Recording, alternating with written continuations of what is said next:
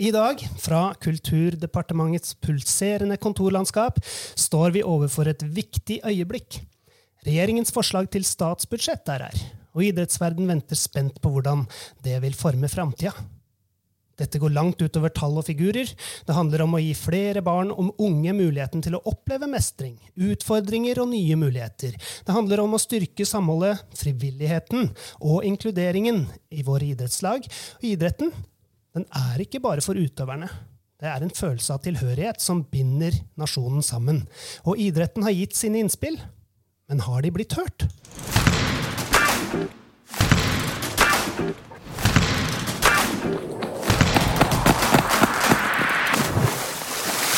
Jeg heter Knut Harald Sommerfelt, og med meg har jeg Johan Konradsson. Hallo. Og vi har også en spennende kar i eh, studio her eh, på Kulturdepartementets eh, lokaler. Det er statssekretær Erlend Hanstveit. Og det må jo nevnes at du er tidligere fotballspiller for Brann og Helsingborg, blant annet. Velkommen. Tusen takk for det. Kjekt å være her. Er det en styrke i jobben å ha vært toppidrettsutøver? Um, det tror jeg kanskje det er på noen felt. Uh, og så kan det vel òg være hva skal jeg si, Toppidretten er jo ei boble. det det, så ærlig kan vi vel være. Um, men så var jeg så heldig å få, få jobbe som, uh, som forbundsleder for NISO også i, i hva skal jeg si, årene etter karrieren. Og så har jeg jo jeg har vært, sant, og jeg er trener for Nymark gutter 13 og har hatt et bredt, brei involvering i i breddeidretten, så jeg kjenner jo godt til den òg, vil jeg si. Ja. Da kan du si at du kjenner idretten fra innsida. Eh, og her i, i, studio i dag så er jo på en måte temaet statsbudsjettet, og det er ganske store tall.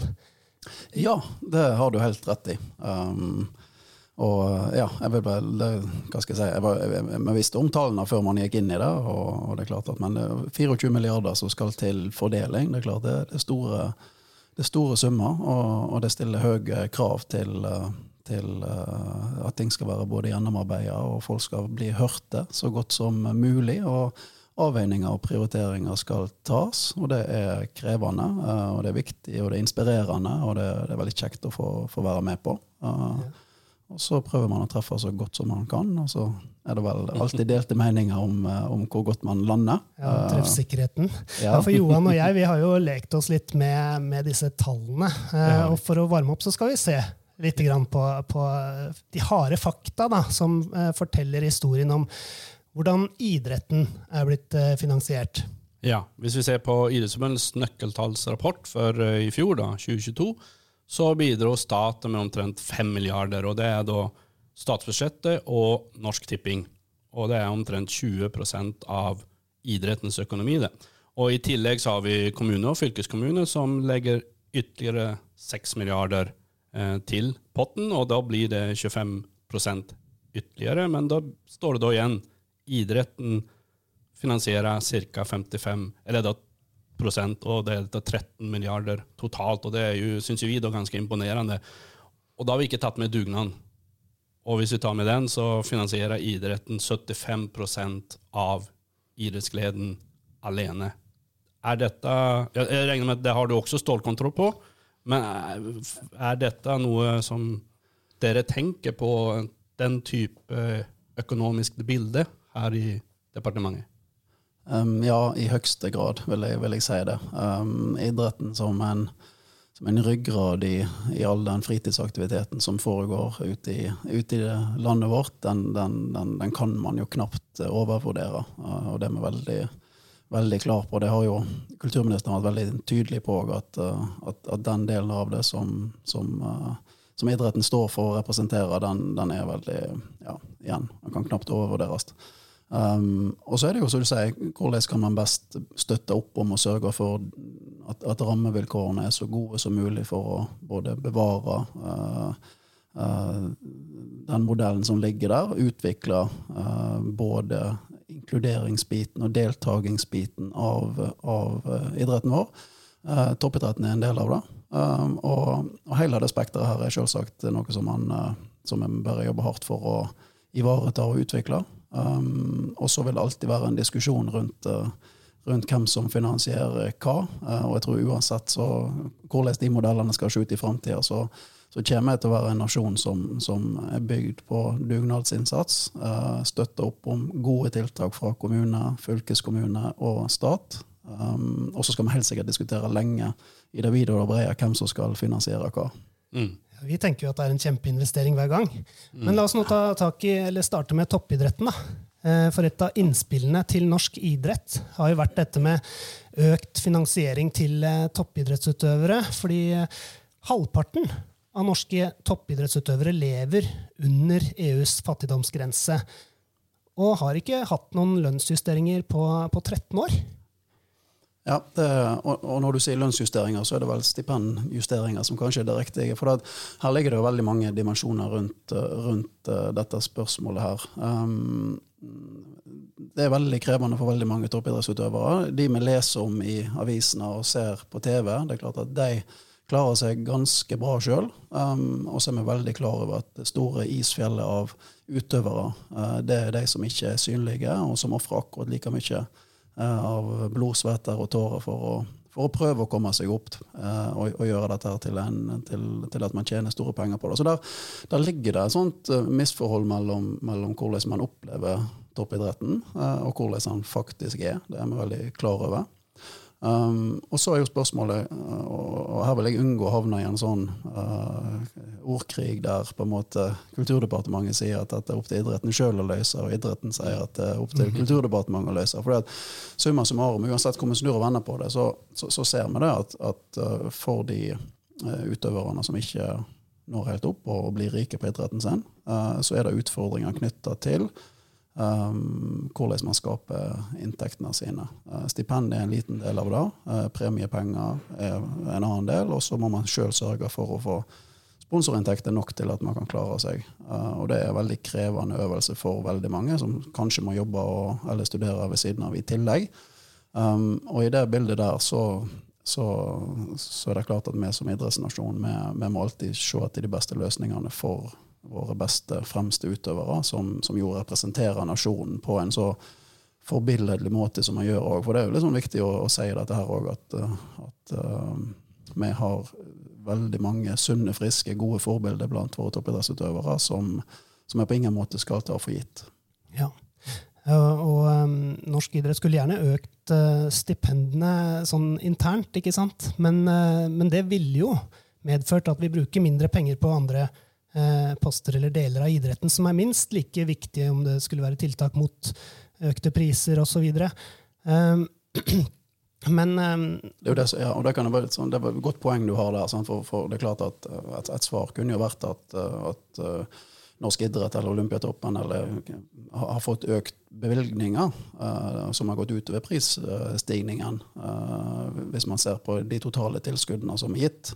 Uh, men så er jo svaret der, og det er på andre sida. Det er klart at det, de er ikke brukt på økning i stipend til de aktuelle utøverne. og det er jo et prioriteringsspørsmål fra Olympiatoppen og fra NIF, uh, der man har nok vurdert at det er andre behov som har vært mer uh, Hva skal jeg si altså Andre behov som man har prioritert før, før, dette.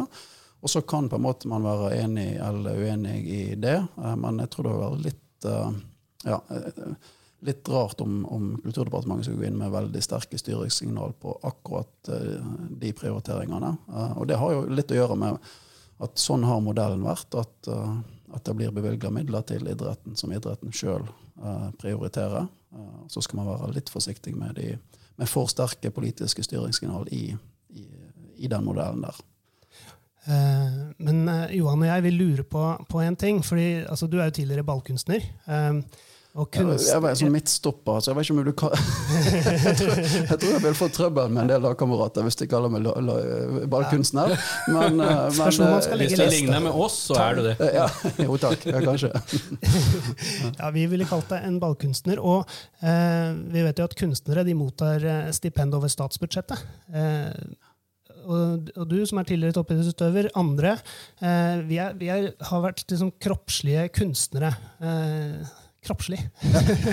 Hvorfor er ikke de eh, statsbudsjettfinansiert? Nei, det er, det, er et, eh, det, det er, et, spørsmål, og det, det finnes andre land i Europa som gjør det på, på den måten. Uh, det er ikke alle Eller hva skal jeg si? Um, hvis man går vekk fra den modellen som man har valgt nå, der, der idretten har på en måte styrt sjøl uh, bevilgningene sine, så, så, så, ville man i hvert fall kommet i et helt annet landskap der f.eks. Eh, toppidrettsutøverne må eh, både konkurrere og, og med kunstnere og andre aktører om eller det prøver å si at det å komme seg inn på statsbudsjettet det høres forlokkende ut, men det er ikke sikkert det alltid er den beste løsningen for alle. Det høres ut som det gir en større trygghet, men hvis vi snur på det, så kan det godt være at den modellen vi har i dag, der idretten får tildelt midler, uh, at den tildelingen er både mer stabil og har økt mer uh, enn det tilfellet har gjort for uh, en del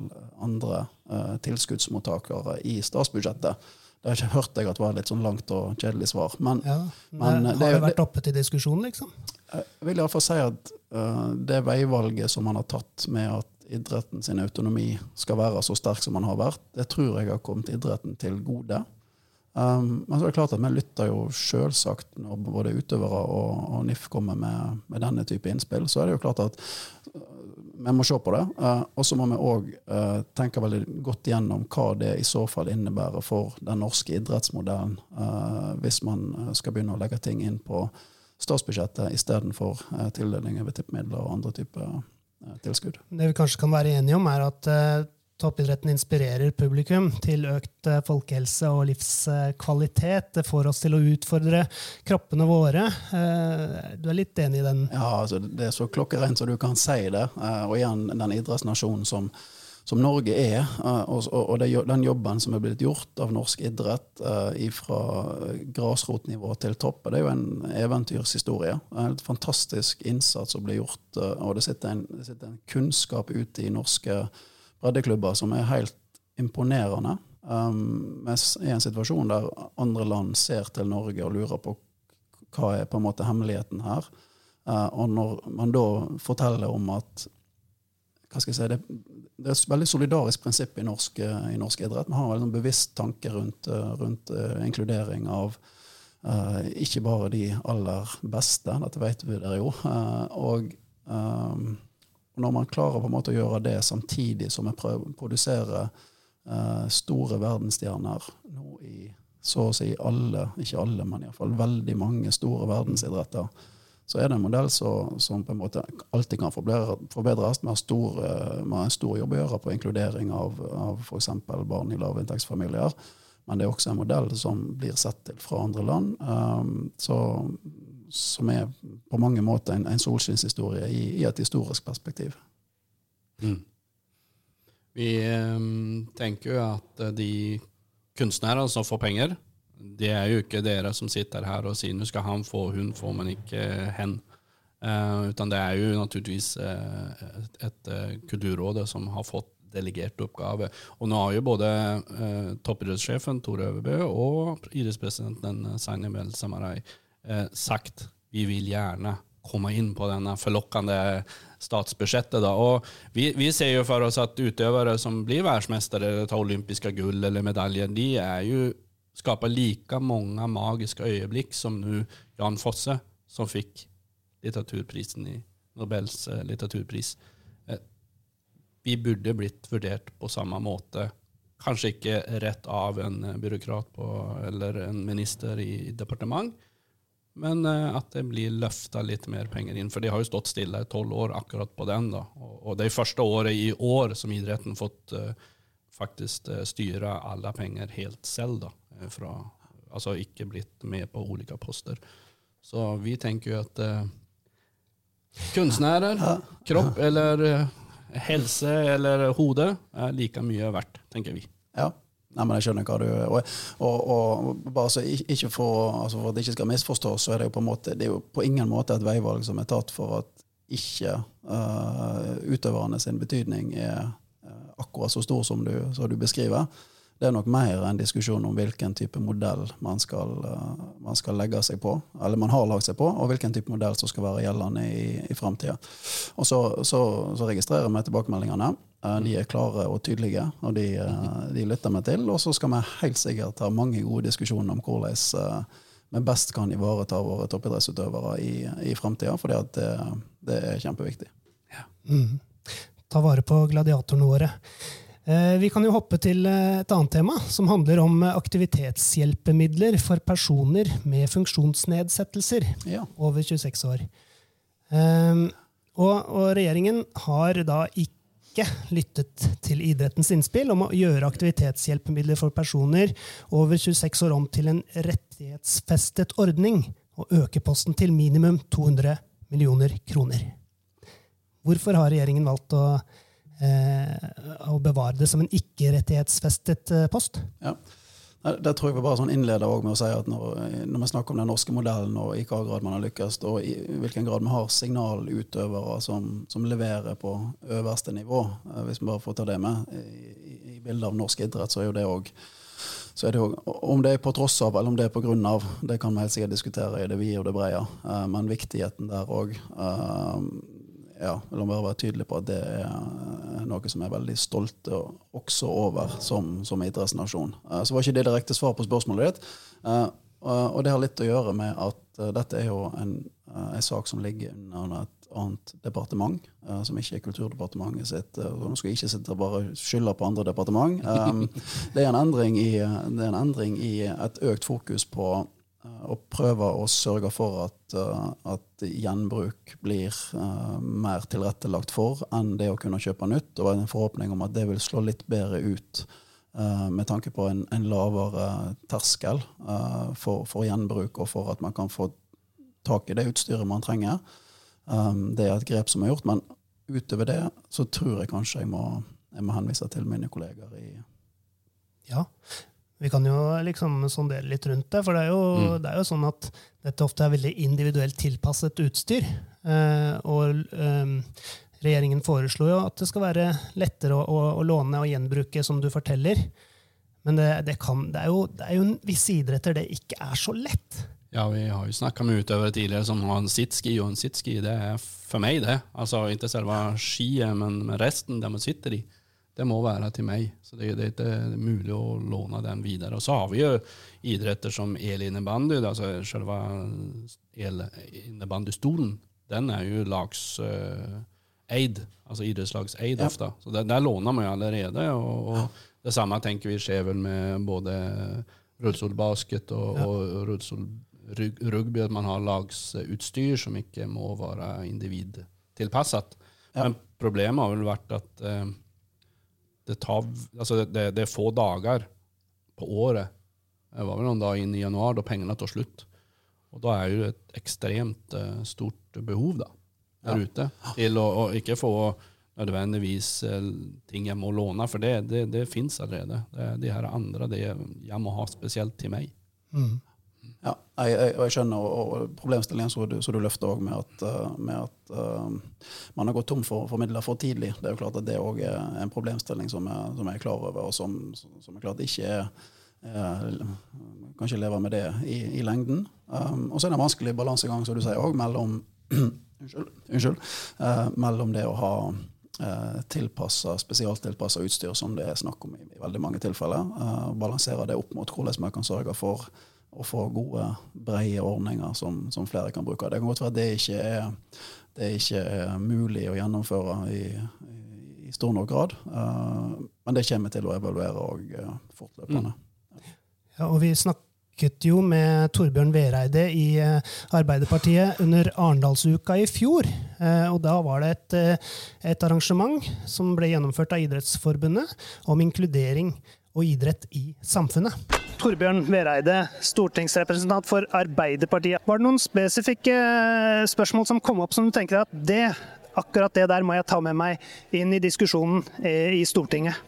En ting som ble tatt opp som jeg syns var veldig kjekt, var jo barrierefri eh, fritid. Som er noe som vi har eh, støtta sterkt opp om. Som er med å øke bevisstheten og kunnskapen ute i idretten og frivilligheten. Veldig viktig. Eh, en ting som ble tatt opp som eh, er, jeg håper vi klarer å levere på, det er aktivitetshjelpemidlene. Som sikrer at folk kan være med og delta med det utstyret de trenger. Ja, for jeg tenker at dette kan bety mye for mangelen på inkludering eh, og samfunnsdeltakelse eh, til, til disse personene med funksjonsnedsettelser som sårt trenger utstyr. På tross av at Ja. det ikke finnes midler, da. Ja, nei, nei, nei klokke, klokkeklart. Og, og, og, og, utstyrsbiten av, av, dette er jo selvsagt helt sentral uh, for alle som driver på. Um, og det er, det er, på dagsorden, og det blir jobba med. Uh, men jeg tror igjen jeg må henstille til, uh, til Arbeids- og inkluderingsdepartementet for svarene på hvordan det sånn helt konkret foreligger, med tanke på, på, på de konkrete løsningene. Men du tar ballen, du Erlend? Du tar, du tar, det med deg videre? Dette er jo et tema som, som, som selvsagt er sentralt hos oss. Uh, og igjen, da, uh, i den norske idrettsmodellen så er, så er dette kjempeviktig. Uh, og vi må alltid etterstrebe å ha utøvere som har på plass det utstyret de trenger, de stipendene de trenger, og, og kan, kan, konsentrere seg om idretten sin. Det er jo det det handler om. hvordan skal vi få rydda vekk alle alle hva skal jeg si, irritasjonsfaktorer eller mer enn det, um, for at man kan utøve idretten sin på en best mulig måte. Og Det, det er målet. Og det, det, er krevende, men det er målet. Det er målet. Og vi kan jo snakke litt videre om økonomi som barriere. Mm. For um, de økonomiske trange tidene gjør at stadig flere opplever at det er vanskelig å få innpass til idretten. Vi registrerer jo at regjeringen skal starte med arbeidet med en egen handlingsplan ja. for deltakelse i fritidsaktiviteter. Og at det er satt av 10 millioner i budsjett.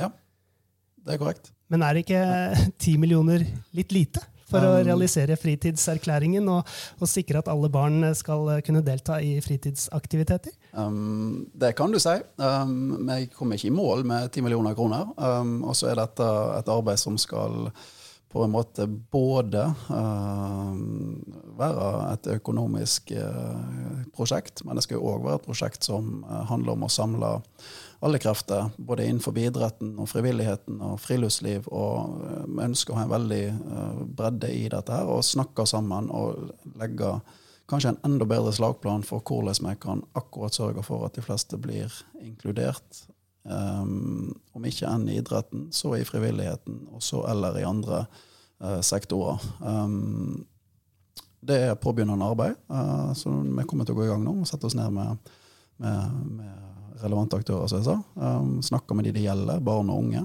Uh, og så betyr ikke dette at Vi finner ikke opp kruttet på nytt. det kan jeg bare si. Altså, sånn, Vi tror at ingen har tenkt dette her før. Men dette er ting som vi ser at ikke blir løst. Um, og vi ser ut, større og større utfordringer på innenfor noen områder. Og Det betyr at vi må eh, holde trykket oppe på det og sette fokus på det. Og Derfor har regjeringen bestemt nå å, å, å lansere en ny, ny, handlingsplan på dette området, nettopp for å uh, være tydelig i at dette er noe som vi er opptatt av, og som vi ønsker å bidra til å, å løse. Mm.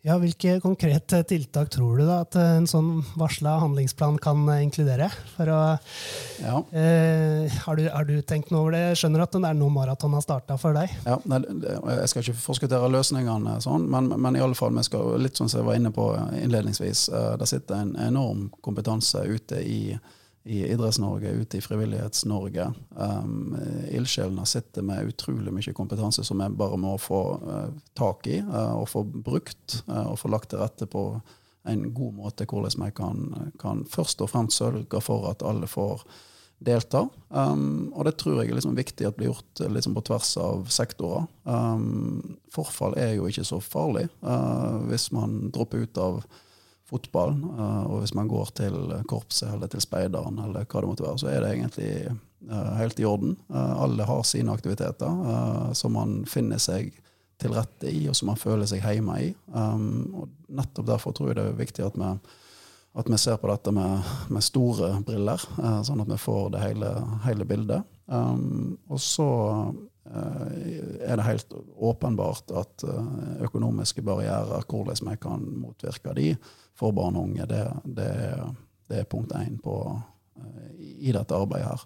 Mm. Vi har jo snakka med flere i forbindelse med den sendingen her. Da. En er Monja Lien Johnsen, som er daglig leder i Charlottenlund sportsklubb.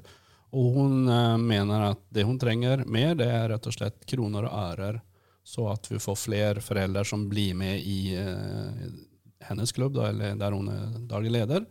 Og vi kan jo høre hva hun sier. i Hos dere så koster det mellom 3000 eh, og 4000 for en 13-14-åring eh, å delta et helt år Likevel så forteller du at det er for dyrt. Dere har fått 80 000 i eh, støtte fra den ekstra midlene som kom fra, fra Kulturdepartementet tidligere i år. Det er ikke nok. Hvor mye penger er det egentlig dere skulle behøvd? Av de som har spurt om hjelp, så er det midler som vi sånn sett taper, eller at klubben eh, prøver å finne støtteordninger for, på rundt 150 000. Og så eh, tror jeg det ligger mye mørketall her. Jeg tror det er veldig mange som ikke spør om hjelp. Jeg tror det er mange som slutter for at de ikke har kapasitet til å betale jo eldre barnet blir. Eh, og jeg tror også det er veldig mange som eh, begrenser barnet til å kunne delta på en av aktivitetene. Mm. Så dere trenger egentlig minst dobbelt så mye penger som det har kommet til dere. Altså dere trenger 150 000, dere har fått 80 Så den potten på 125 millioner burde vært en kvart milliard, og da begynner man å ta unna de som sier de har behov for hjelp. Og I tillegg så sier du at det er betydelige mørketall på dem som ikke tør å si det. Ja, og så er den eh, lista som jeg tar utgangspunkt i, det er min liste som har vart siden rett før sommeren. Og vi har akkurat begynt å fakturere alle treningsavgiftene nå i, i høst. Uh, så jeg tror også det kommer til å komme et uh, lite ras med flere som, som, trenger støtte og hjelp utover frem mot jul. Ja, dette er jo et uh, helt konkret tiltak, dette, fra grasrota, Ellen. Veldig, veldig konkret. Og, og, mer penger er et veldig tydelig og, og, og konkret ønske, som, som jeg hører og, som jeg tror kanskje departementet hører fra, fra mange eh, bauger og kanter. Um, og det, det, det, vet vi, det registrerer vi, og, det er selvsagt en del av, av denne, denne, diskusjonen. Og så er alltid spørsmålet hvordan kan man bidra på en mest mulig treffsikker måte. Uh, og det det, det, har momskompensasjon nå vært et sånt uh, begrep som har gått igjen, og vært veldig hva skal jeg si, idretten har vært veldig tydelig på, på, på det ønsket der. Uh, det står høyt på dagsordenen, og nå, nå, går det 500 millioner ut uh, der, sånn cirka, i, i, et grep som jeg opplever at er veldig ønska der ute. Så skulle idretten ønske at den var regelstyrt, og det skal vi komme tilbake igjen til. Det jobber vi med. Mm. Nå skal vi huske på at Momskompensasjon det er jo ikke noe som idretten får, utan det er jo egentlig penger som kommer tilbake fordi man har lagt ut noe. Altså når vi begynte med dette, så, så pekte vi på den urettferdigheten at når et hotell kjøper en scooter, lager skispor, så får de tilbake momsen som de betaler inn til denne kjøpte Men når et idrettslag gjorde det tidligere, så var det momsen en kostnad. Så derfor så er dette en kompensasjon for det utlegg man har til moms. altså man mener at er, eh, Det burde vi få tilbake, for det skal ikke være moms på dugnad. Så det er jo det er veldig bra. Det er mye penger, og det har jo letta i, i, i um, idrettslagenes eh, budsjetter nå, det er åpenbart, og er en skikkelig god ordning og som vi håper blir regelstyr. Men det er altså penger som en, Hvis det hadde vært en bedrift, så hadde det ikke vært en gave, utan det er en regel rett og slett at du skal få tilbake det. For det er merverdien man skaper, som skal bli skatta eller få avgift på. Ja, og, og du, har, du, har, rett i det. Og jeg, og jeg, jeg eh, hva skal jeg si, jeg, jeg, eh, sier ikke at det sånn prinsipielt sett er en gave, men det gir et økt handlingsrom. Du sa ikke det. Jeg bare var veldig tydelig på at det ikke er det. Ja, mm. ja da. Mm. Det var det første begrepet jeg lærte når jeg, eh, hva skal jeg si, begynte å jobbe i idretten, det, det er momskompensasjon. Og det er, det er, et tema som veldig mange har et veldig bevisst forhold til. Og det sier litt om hvor utrolig mange det er som har et bevisst forhold til sin klubb, sin økonomi der ute i det ganske land. Det fins mm. ikke en eh, klubbleder som ikke har et, eh, si, en dybdeforståelse av hva dette betyr. Og det, det, tenker jeg er et veldig sånn bra, bra, bra, tegn for norsk idrett. Mm. Og de, det vi tok i begynnelsen, de fem milliardene som kom fra staten, så er jo idrettens del av momskompensasjonen medregna der i 2022-tallene. Mm. Og det er vi jo veldig glad for. Ja. Vi, må jo, vi, må jo, skryte litt av deg også, Erlend. Ja, nei, og her, føler jeg, her sitter jeg på begge bordet. Så, så, så, som jeg sa, som, som, som trener i, i Nymark gutter 13, så, nyter jeg sjøl godt av eh, det her. Um, ikke inhabil, for det har jeg sjekka. Eh, det går bra. men, eh, men klart, det, det, er en ordning som er, som er hva skal jeg si, både stolt av, og som vi òg mener at uh, er helt riktig at, uh, at, det ligger der. Ja da. Og så får den bare bli rettighetsfesta, sånn som det står i Hurdalsplattformen. Um, men vi har også snakket med Bodø idrettsråd, vi. Um, I Bodø idrettsråd så lurer Hilde på litt om hva ting koster. Hun har jo et overslag over hva reiser nordpå koster, og det er ikke lite, altså. Nei, vi i Nord-Norge, som resten av Idretts-Norge, jobber jo med å minimere økonomi som barriere for, eh, for våre medlemmer. Og det vi har sett på i den siste tida nå, det er at det er en del ytre faktorer som gjør at eh, kostnadene for medlemmene og idrettslagene våre går opp. Eh, og da spesielt med tanke på reisekostnader. Det er lange avstander som gjør at det er store kostnader allerede i barneidretten. Eh, og vi har mange ungdomslag og seniorlag som deltar eh, nasjonalt, eh, som igjen må fly til de fleste arenaene sine. Det vi ønsker i Nord-Norge, det er jo at eh, reisekostnadene for idretten kan subsidieres eh, av staten som et direkte bidrag. Vi har jo f.eks. pasientreiser, eh, og vi har jo Forsvaret som har avsatte plasser i, innenfor fly, da, som er subsidierte priser, som vi mener kan være ikke sammenlignbar i forhold til uh, brukerne, men er sammenlignbar i forhold til ordninga. Hvor mye penger er det som idrettslagene i nord bruker på flybilletter, da? Hvis vi skal ta ett idrettslag, da, så er reisekostnadene for dem på ett år 1,8 millioner. Og det idrettslaget har 800 medlemmer, så det er ganske mye per medlem. Og det var Hilde Onderland, som i dag leder Bodø idrettsråd, som gav et eh, konkret forslag til handlingsplan. Eh, var med å se til pasientreiser og forsvarreiser og la idretten bestille de eh, flybillettene de trenger for å konkurrere og gjøre noe. Dette er også mm. på, på, yngre alder, det er ikke toppidrett. Dette, dette er for å få komme seg og, og leke seg litt med hjemgamle. Ja. Så må man fly der oppe. Det er bare sånn det er. Ja. Ja, det, det, det, det, det, det der igjen krever. Det er en, det er en sånn norsk uh, si, utfordring som man ikke har. Jeg bodde, jeg bodde, i Belgia en periode, eh, der vi reiste og, og, og spilte mot uh, eh, 30 forskjellige lag innenfor en, en radius på halvannen times busstur. Uh, og sånn er det faktisk i ganske store deler av, av idretts-Europa, at du har veldig mye kortere avstander til, til, en motstander, som jo er det du trenger for å spille en kamp uh, eller være i en konkurranse.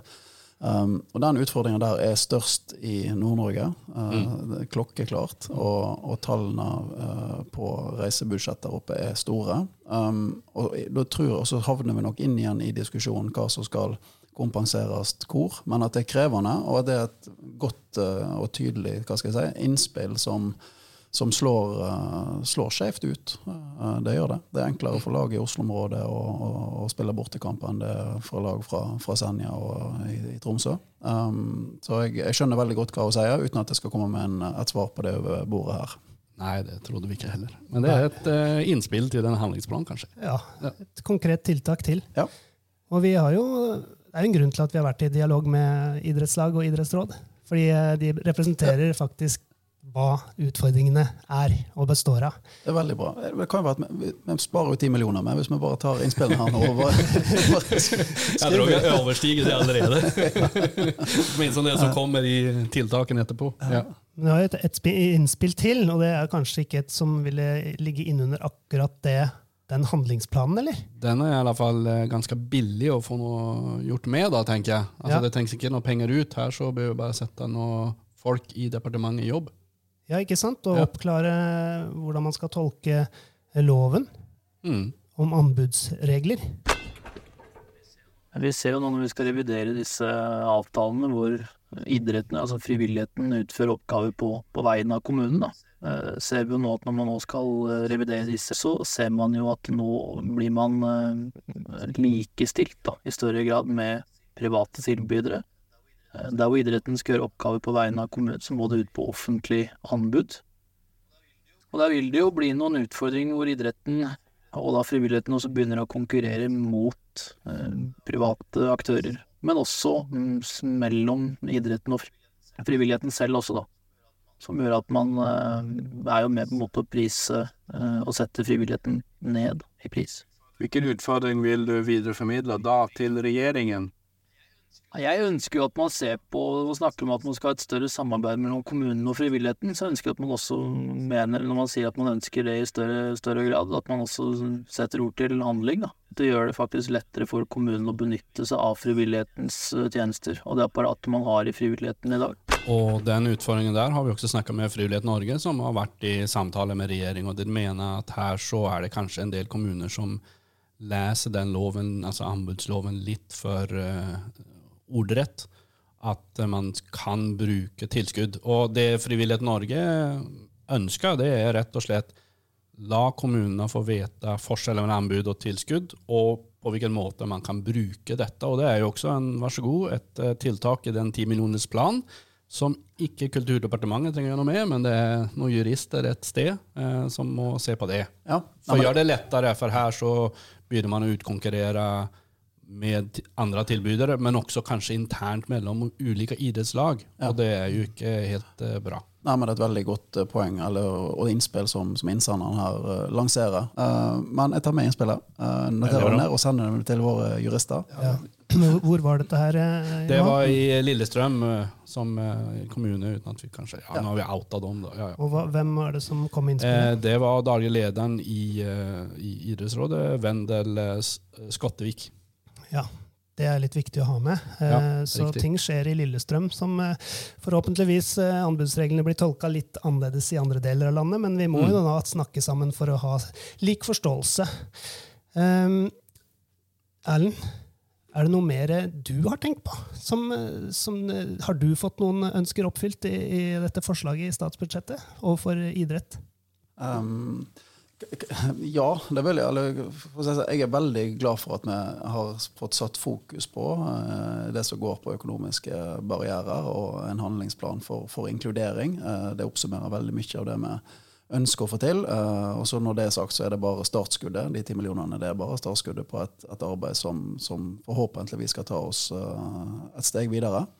Um, og så har jeg nevnt momskompensasjon, som høres ut som et sånn, litt sånn teknisk uh, kjedelig grep, men som faktisk er i størrelsesorden en halv milliard, som er utrolig viktig uh, å, å, få på en måte viderebrakt. og og forsøkt landa i, i statsbudsjettet. Um, og så Den er faktisk større. Den er 2 milliarder 450, 440 millioner totalt. Ja, har jo ikke snakket om økningen.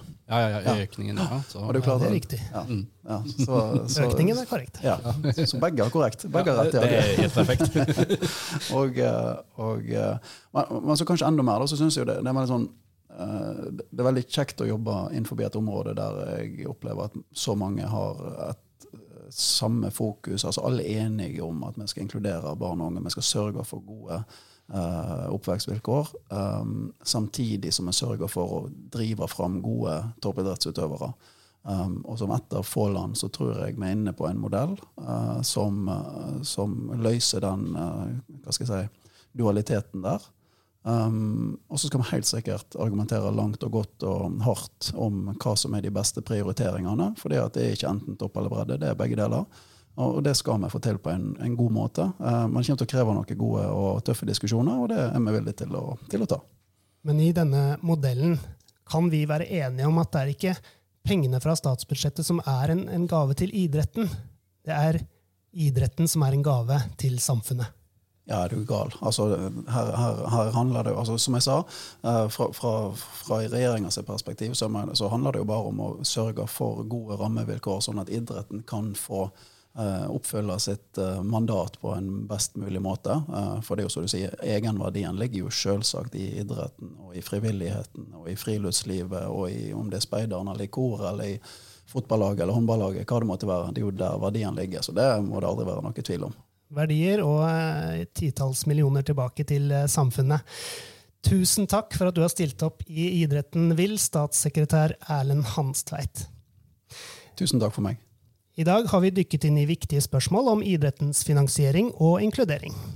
Vi har utforsket tall, utfordringer og håp, og vi oppfordrer jo da regjeringen til å lytte nøye til disse bekymringene fra grasrota. Fortsett å engasjere deg, Erlend. Eh, for å kjempe for en bedre framtid for norsk idrett. Og til neste gang, vi høres. Vi høres.